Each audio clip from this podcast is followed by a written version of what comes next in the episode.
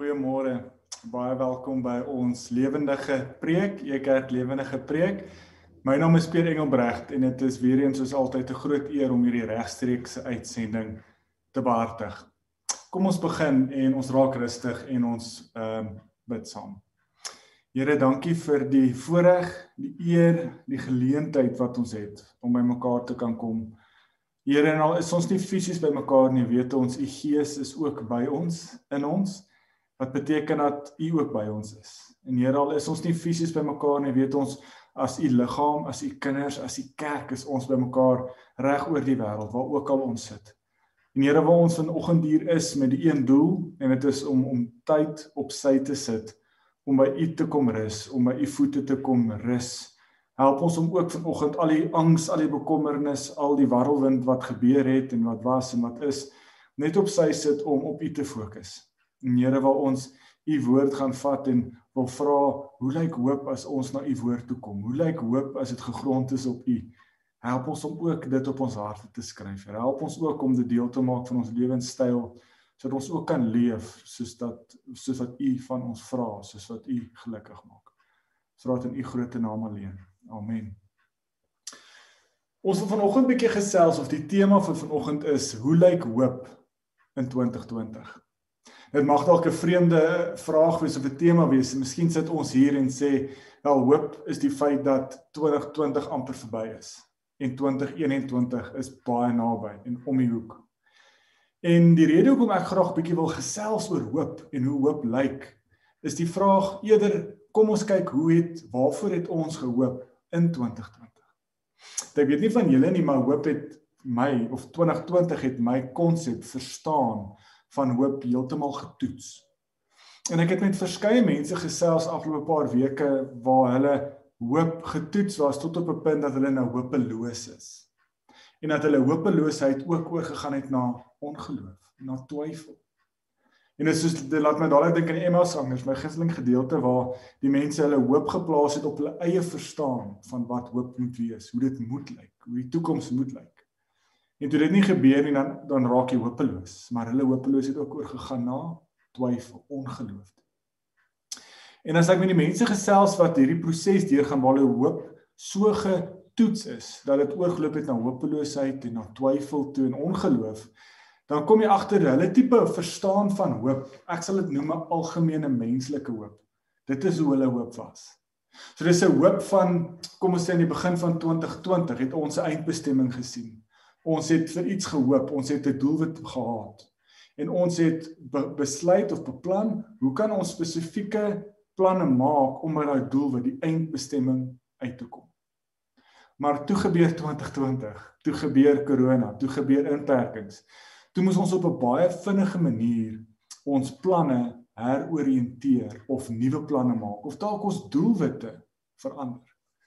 En dit is dadelik dan die vraag as ons praat van hoop, dan was dit baie keer nou daar kan ek net vir my eie lewe praat. 'n Hoop van daar is iets wat onbekend is in die toekoms. Iets wat ek nie kan weet nie. Ons weet nie hoe die toekoms lyk nie. Ons weet nie hoe môre lyk nie. Ons weet nie hoe dit gaan lyk na Corona nie. Maar dan is die vraag, kom ons hoop vir die beste. Kom ons hoop daai onbekendheid is iets wat vir my goed is. So dis 'n hoop wat op myself gerig is. Party mense sal dalk praat van maar dis dan net 'n optimiste, 'n optimistiese hoop vir die beste, nê. Nee. Ons hoop dit draai daar net oukei okay uit. En miskien het 2020 ons uithou vermoë, deursettingsvermoë ook getoets. Maar as jy na mense praat, dan kom jy agter dit is 'n baie belangrike aspek van hulle verstaan of die algemene menslike hoop. Dis 'n groot deel daarvan uithou vermoë, deursettingsvermoë.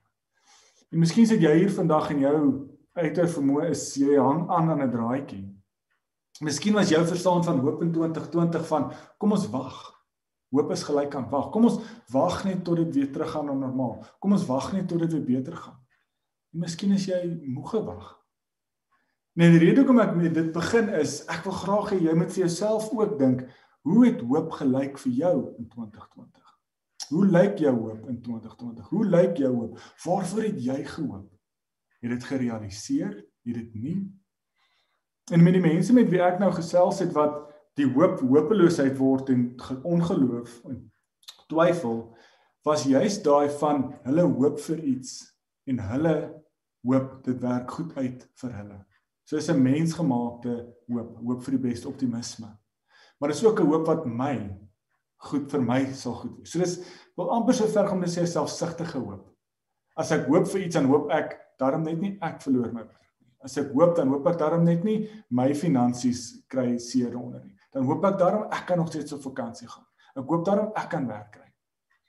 En dalk is dit die jaar wat was, net dalk is dit die hele moeilikheid van 2020 was regtig waar 'n vreemde jaar wat ek nie hoop ons iemand hoop iewers weer gaan oorkry nie.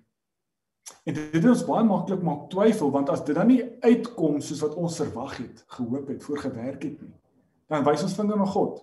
Sê maar, hoekom het jy dit nie laat gebeur nie? Hoekom het jy nie ingekeer nie? Hoekom het jy nie gehelp nie? Het jy my nie lief nie? En ek voel net as ons praat van hoop en met respek God in die vergelyking wil inbring, dan moet ons daarom die tipe hoop wat ons voorhoop baseer op dit wat God ons van vra as dit kom by hoop. 'n Hoop gegrond op hom. So ek wil die woorde speel van dis 'n goddelike hoop wat ons vandag gaan 'n bietjie na wil kyk. So ek wil na die Bybel toe gaan en vra wat is hoop as ons na die Bybel kyk? En ons wil onder andere na Paulus kyk. So indien jy jou Bybel saam het, wel by jou het en jy wil graag saam lees Romeine 5 wil ek graag vandag bietjie vir ons lees. Want Paulus help ons hier met presies hierdie konsep van hoe lyk 'n goddelike hoop, 'n hoop gebou op 'n verhouding met Jesus Christus. 'n Hoop gebou op wie ons is in God. Nie 'n algemene menslike hoop soos 'n hoop vir die beste optimisme of uithou vermoë nie. En ek voel ons wil na dit na die Bybel toe gaan met daai vraag om te sê hoe lyk hoop? En dit is dalk juis ook in hierdie tyd dat ek na hierdie vraag wil vra want dit is die seisoen van hoop, né? Nee, miskien is ons almal nou al ons hoop is die jare is al verby, dis Kerstyd, ons gaan al weer familie kry bymekaar. Ons gaan al weer 'n bietjie kan rus, ons gaan al weer kan asem skep. Ons kan ook miskien weggaan as ons die geleentheid het. So die feit dat ons in Kerstyd ingaan, het ons al reeds daai hoop, daai seisoen van hoop want ons verlosser is gebore. En miskien is dit dalk net 'n wonderlike geleentheid vandag om ons verstaan van hoop, wat ons dalk voor hoop tans of wat ons voor gehoop het of wat ons nog voor hoop, net in lyn bring met dit wat God ons van vra of dit wat God ons mee help as dit kom by hoop. Nou wil ek graag vir ons lees Romeine 5 vers 1 tot 11 wil ek vir ons lees. God het ons dan nou in die regte verhouding met homself gebring deurdat ons glo. Daarom is daar nou vrede tussen ons en God deur ons Here Jesus Christus. Deur om met ons in die geloof ook die vrye toegang verkry tot hierdie genade waarin ons nou vas staan. En ons verheug ons ook in die hoop om deel te hê aan die heerlikheid van God. Dis egter nie al nie. Ons verheug ons ook in die swaar kry, want ons weet swaar kry kweek volharding en volharding kweek egtheid van geloof. En egtheid van geloof kweek hoop. En die hoop beskaam nie, want God het sy liefde in ons harte uitgestort deur die Heilige Gees wat hy aan ons gegee het. Toe ons nog magteloos was, het Christus immers reeds op die bestemde tyd vir ons goddeloses gesterf. 'n Mens het tog nie sommer jou lewe prys nie, selfs nie vir 'n regverdige nie. Ja, tog vir 'n goeie mens sal iemand miskien nog die moed hê om te sterwe. Maar God bewys sy liefde vir ons juis hierin dat Christus vir ons gesterf het toe ons nog sondaars was. Aangesien ons nou in die regte verhouding met hom gebring is op grond van sy versoeningsdood, staan dit soveel vaster dat ons deur hom ook aan die straf van God gered sal word. Aangesien ons toe ons nog vyande was, deur die dood van sy seun met God versoen is, staan dit soveel vaster dat ons nou dat ons versoen is, deur die lewe van sy seun gered sal word. Maar dit is nie al nie. Ons verheug ons ook in God deur ons Here Jesus Christus, deur wie ons nou die verzoening ontvang het. Mag dalk 'n vreemde gedeelte wees as ons praat van maar hoe lyk hoop? Wat sê die Bybel? Wat sê God vir ons as dit kom oor hoop? Maar wat Paulus ons hiermee help is juis om te sê laat ons besef maar ons hoop moenie gebou wees op vlak wortels nie of kom ons gebruik die woord van 'n fondasie. 'n algemene menslike hoop is op wat ek kan doen om my eie toekoms te verbeter, te versterk, 'n goeie toekoms te gee. Dis die bal in my hande. Maar Paulus begin heeltemal anders en vir ons as Christene moet ons hierdie vraag beantwoord vanuit ons identiteit. vanuit wat God vir ons gedoen het. So Paulus begin by daai fondasie, daai diep wortels van ons identiteit. En hy begin deur te sê ek en jy was sondaars. Dit is die woorde presies wat hy gebruik het. Verlede tyds bitter belangrik. Maar God is so goed, so liefdevol. Hy stuur sy enigste seun vir my in die aarde. En dis nou juis in hierdie ons praat van adventtyd, die op die kerk, die die die die kalender, die tyd in die kerkjaar, kerkkalender, die opbou na Kersfees toe. Adventtyd is die tyd wat ons terugkyk aan die eerste koms van Jesus in Bethlehem. Dis Kersfees. Ons verlosser is gebore. En deurdat God sy seun aarde toe gestuur het, praat Paulus hier van die sleutelwoord om te glo in die Christus gebeure. So die Christus gebeure is Jesus is die enigste seun van God en hy's aarde toe gestuur. Hy's gebore uit die maagd Maria. Maar dis nie al nie. Jesus was ook so gehoorsaam aan sy roeping, aan sy missie wat God hom voor aarde toe gestuur het, dat hy gesterf het aan die kruis.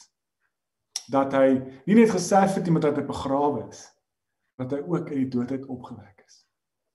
So die hele Christus gebeure is hierdie fondasie wat maak dat die verhouding tussen ons en God nou herstel is. Jesus Christus het hierdie verhouding kom herstel tussen ons en God.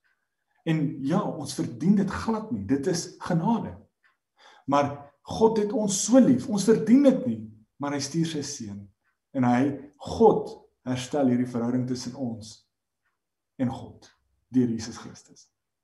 En dit is die verskil van as ons na die Ou Testament kyk, as ons die hele Ou Testament lees, dan was dit die hele punt van wat moet ons as mense doen om die verhouding te herstel? Ek moet offers bring. Ek moet die wet gehoorsaam. Ek moet my eie hoop bepaal. Ek moet my eie toekoms bepaal. Die heil lê by my of die verantwoordelikheid om my heil te verwerk lê by my. En as ons na die Ou Testament kyk, dan sien ons maar dit werk nie. Maar God is so goed. Hy sê toe julle nog sondaars was, sal ek my seun vir julle stuur om aarde toe te kom. En hy kom aarde toe en hierdie hele Christus gebeure maak dat hierdie verhouding tussen ons en God herstel is. So Paulus begin met hierdie fondasie, hierdie fundamentele wese van wie ons is in Christus. Ons is nou Christene. Ons is nie meer sondaars nie. Ons is nou vrygespreek. So die hier en die nou het ek en jy al reeds hierdie verlossing, hierdie vryspreek van God ontvang. En dit is wat hierdie adventtyd so wonderlik maak want ons kyk terug na die eerste koms van Jesus in Bethlehem.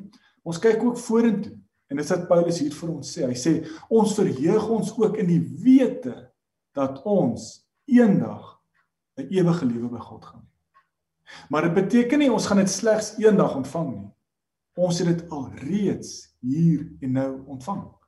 Want ek en jy is vrygespreek. Ons is alreeds verlos. Ons het alreeds die verlossing ontvang. So ja, eendag gaan ons dit volkome in vol kleur, 'n perfekte ewige lewe by God hê maar ons het dit al reeds hier en nou ontvang. Ek en jy leef al reeds as verlosters. Ek en jy is al reeds deel van God se nuwe koninkryk. En as ons om ons kyk, lyk dit dalk nie altyd so nie. Want dit dit dit gaan swaar, dit gaan moeilik, dis donker, daar's teenkanting. Maar daar is al reeds daai verlossing vir ons gegee.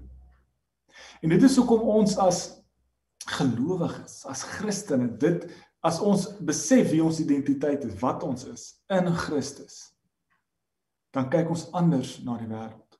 Dan beleef ons hoop anders. Dit is hoop dis dan nie dan iets van iets wat ek nie kan sien nie en ek hoop maar net vir die beste nie. Dan is hoop eintlik 'n 'n vaste wete, 'n sekerheid dat ons alreeds die verlossing van Jesus Christus ontvang het hier en nou. Ek en jy is verlostes. So dis nie iets van o, ek hoop eendag gaan ek dit kry nie. Jy het dit al reeds. So ja, as Jesus weer kom, dan gaan die nuwe Jerusalem as ons Openbaring lees afkom aarde toe en dit gaan 'n perfekte wêreld wees. 'n Ewige lewe by God. Maar Jesus het al reeds dit kom instel. So in die hier en die nou het ons al reeds die verlossing van God ontvang. Hier en nou het ek en jy al reeds die hoop, die wete dat ons 'n nuwe mens is in Christus. Hier en nou het ons alreeds die hoop ontvang, die wete dat ons vrygespreek is. So hoop is die wete dat ons vrygespreek is. Hoop is die wete dat God ons liefhet. So hoop is 'n persoon. Hoop is Jesus Christus. Want sonder wat Jesus vir ons kom doen het, het ons nie vrygespreek nie. Het ons nie hierdie nuwe identiteit gekry nie. Is ons verhouding met God nie herstel nie. En dit is wat Paulus dan hier vir ons praat, hierdie hierdie spanning van ons as Christene leef in die hier en die nou alreeds as verlosters as Christene.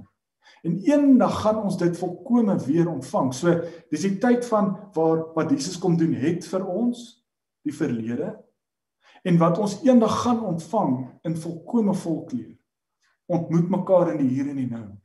So dit is hierdie samesmelting van die verlede, die hede en die toekoms. En dit is hoekom as ons dit besef en dis ons fondasie waarop ons leef, dan kyk ons anders na die lewe, ons kyk anders na swaar kry. En dis daai kerngedeelte, daai verse wat Paulus hier praat van wat dit 'n baie wil sê 'n moeilike gedeelte maak, maar tog ook kan dit 'n baie vroom gedeelte maak. Want as ons na swaar kry kyk vanuit 'n menslike algemene hoop, dan probeer hy die swaar kry vermy. So daar's 'n onbekendheid en ons weet nie hoe die pad gaan lyk nie. So die onbekendheid kan dalk swaar tye wees, kan dalk moeilike tye wees. So kom ons probeer 'n plan beraam om dit te kom, om by 'n goeie, beter toekoms uit te kom. Maar wat sê Paulus hier? Ons moet onsself verheug in die swaar kry. Swaar kry kweek volharding, volharding egtheid van geloof en egtheid van geloof kweek hoop. En hoekom sal die hoop nie beskaam nie? Want Jesus Christus het sy gees in ons harte uitgestort. God is by ons.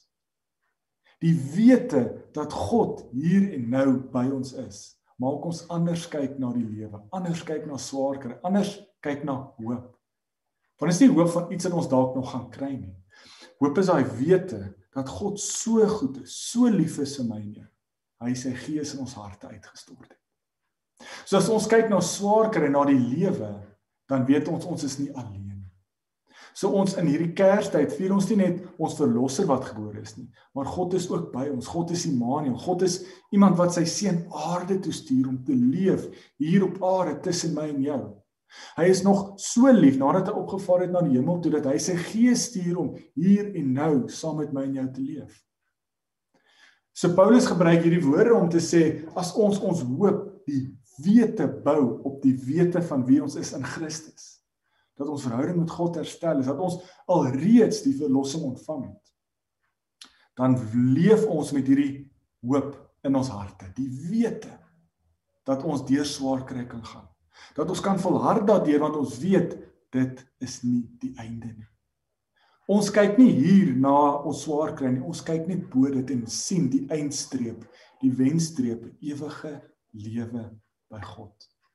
So ons weet hierdie swaar kry, hierdie lewe, hierdie donker wêreld is nie die einde nie. Dit mag dalk vroom klink, maar dit is daai vaste sekerheid om anders te kyk na swaar kry. Ons kan anders kyk ook daarna as ons na die Nuwe Testament kyk. Daar is nie 'n gedeelte wat sê God sal ons swaar kry, ons moeilike tye verminder nie. Hy sê hy sal van die bose bewaar. Maar die Nuwe Testament sê God is by ons deur hierdie swaar tye. Deur hierdie tye wat ons voel ons kan nie meer hoop hê nie. God is Immanuel, God is by ons. So wat is hoop? Hoop is die wete dat Jesus Christus my en jou 'n nuwe identiteit kom gee. Hoop is die wete dat God vir ons gegee is, dat sy gees in ons harte uitgestort is. Hoop is om te weet ek en jy die verlossing al reeds ontvang. Hoop is Jesus Christus. Hoop is God wat hier tussen my en jou besig is in die wêreld. So hoop is eerder om te sê, hoe kan ons God raak sien in hierdie donker tye? Hoe kan ons God raak sien in hierdie tye wat ons voel dis hopeloos? Want dit is ons moeilikheid of dalk kan ek weer net vir my eie lewe praat. In 2020 het ek al die moeilike goed raak gesien. Ek het al die swaar tye, ek het al die tye wat my hoop gesteel het raak gesien. Maar dis asof ons vandag nuwe oë moet kry om te sê, maar God is liefdevol. God is goed vir ons. God is Immanuel by ons. En as ek as verlosser, as nuwe mens in Christus kan leef deur hierdie swaar tye en ek kan volhard daardeur, dan laat dit my besef Maar my geloof hang nie af van hoe my uit, my uitkoms lyk nie. My geloof, my wete dat ek 'n nuwe mens is in Christus, maak dat ek kan verheug deur hierdie donker tye. Jesus gebruik verskeie gedeeltes ge, gelykenisse. En die beste vir my is altyd daai een van ons moet lig wees vir 'n donker wêreld. Nou as jy lig is, dan moet jy in 'n donker wêreld wees, anderster is alles net lig en jy het nie lig nodig nie. So God sê juis ons moet hoop wees vir hierdie donker wêreld. Ek en jy moet vir mense gaan uitwys waar is God oral betrokke besig in hierdie hopelose donker wêreld. Dit laat my dink aan 'n 'n metafoor en mag dalk 'n ek wil maar net die woord sê 'n konnie metafoor wees, maar dit dis nou naby aan my lyf want in hierdie inperking tydperk het uh, dalk van ons wat lief is om te oefen of te draf of fiets te ry of te oefen uh was ons vinnig frustreerd toe ons in ons agterplaas 'n maraton moes hardloop of op ons balkon 'n maraton moes hardloop. Ehm um, nou kom jy agter indien jy nie jou spiere kan oefen nie dan dit verswak. Nou wat ek bedoel met dit is ek is ek's mal oor draf en ek het in hierdie inperking tydperk uh 'n spier in my been beseer. So erg dat ek vir 'n paar weke nie kon oefen.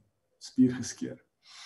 En toe ek weer begin, toe sê ek sommer ek is nou frustreerd, so ek wil weer daar uitkom waar ek was dan kom jy vinnig agter as jy jou spier nie gebruik nie, dan verloor jy spier. As jy al dalk al ooit 'n arm gebreek het of iets in 'n ligament of 'n ledemaat in gips gehad het, dan kom jy vinnig agter na die paar weke wat jy die gips afhaal dat jou arm byvoorbeeld of jou spier in jou arm is kleiner. Dit het gekrimp teenoor jou ander arm byvoorbeeld. Want as jy jou spiere nie gebruik nie, verloor jy spier. Sy funksie is om te werk. En dis ook waar die konigheid inkom, maar indien jy jou spiere wil versterk, dan moet jy swaar goed optel. Jy moet klein spiertjies skeer sodat hulle weer kan heg en laat jy kan groei.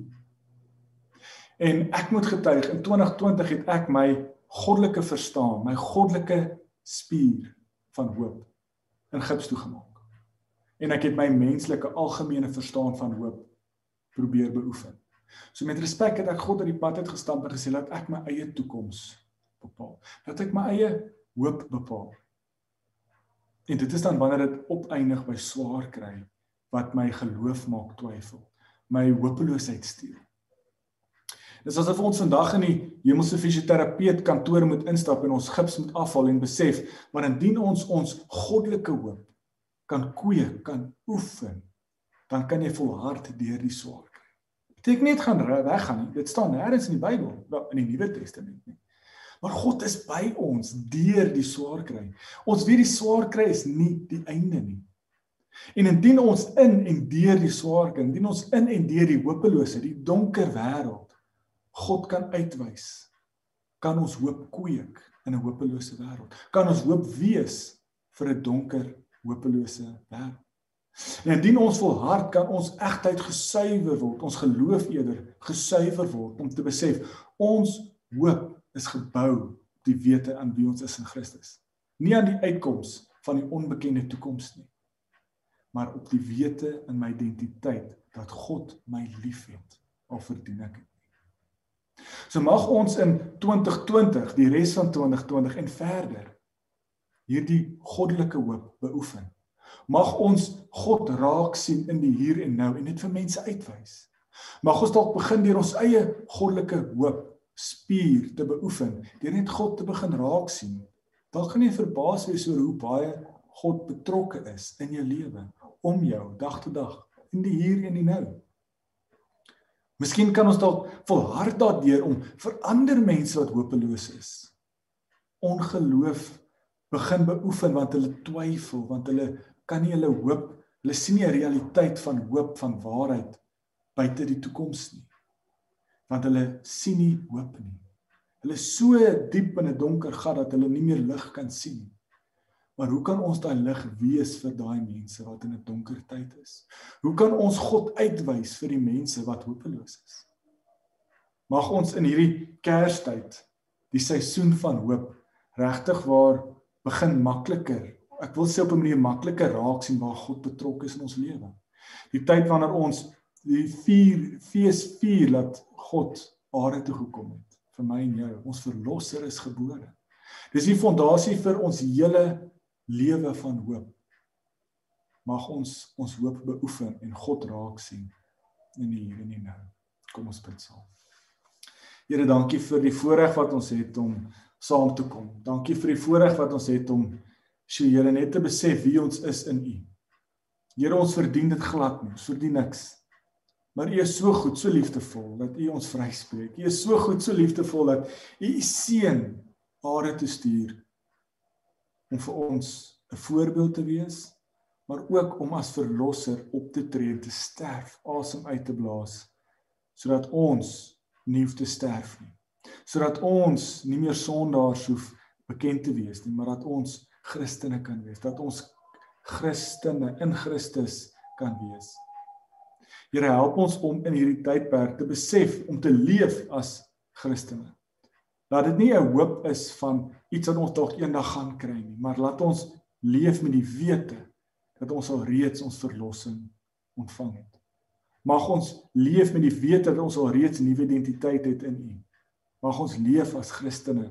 Mag ons hoop wees in 'n hopelose wêreld. Mag ons U raak sien want U is ook Immanuel by ons. God by ons het die gees ons harte uitgestort en ons verdien dit ook nie, maar U is so goed en liefdevol.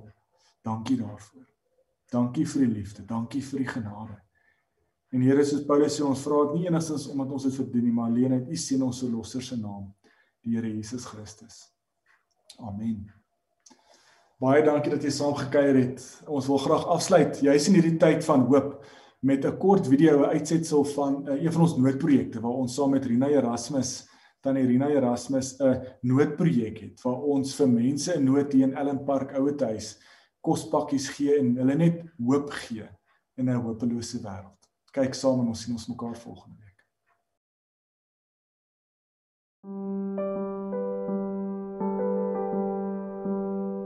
Uh 10 jaar gelede het ek en Stefan 'n gesprek gehad en hy het vir my gevra wat die behoeftes is daar en uh, hy het vir my ons het begin met R3000 'n maand. En nou maak ons kospakkies vir 15 ou mense. Hulle die Ekerk gee ook 'n bedrag geld om etekaartjies te kry wat die uh, van die ou mense kan gaan eet in die eetsaal. Baie van hierdie ou mense is afhanklik van 'n uh, uh, SASSA toelaag. En dan moet hulle nog 'n deel daarvan betaal vir die uh uh woonstelletjie waarin hulle bly. En uh die res is vir die al die ander behoeftes. So ons kry nou 'n bietjie meer by die Ekerk, maar dis regtig 'n groot behoefte vir hulle. Ons koop vir elkeen dan 'n pakkie kruidniersware wat ek helpers het wat vir my help pak en uh, daar's van die uh, kinders by die hoërskool wat my help om uh, dit uit te deel. En elkeen kry dan 'n pakkie kruidniersware, 'n pakkie groente en ook 'n pakkie vleis.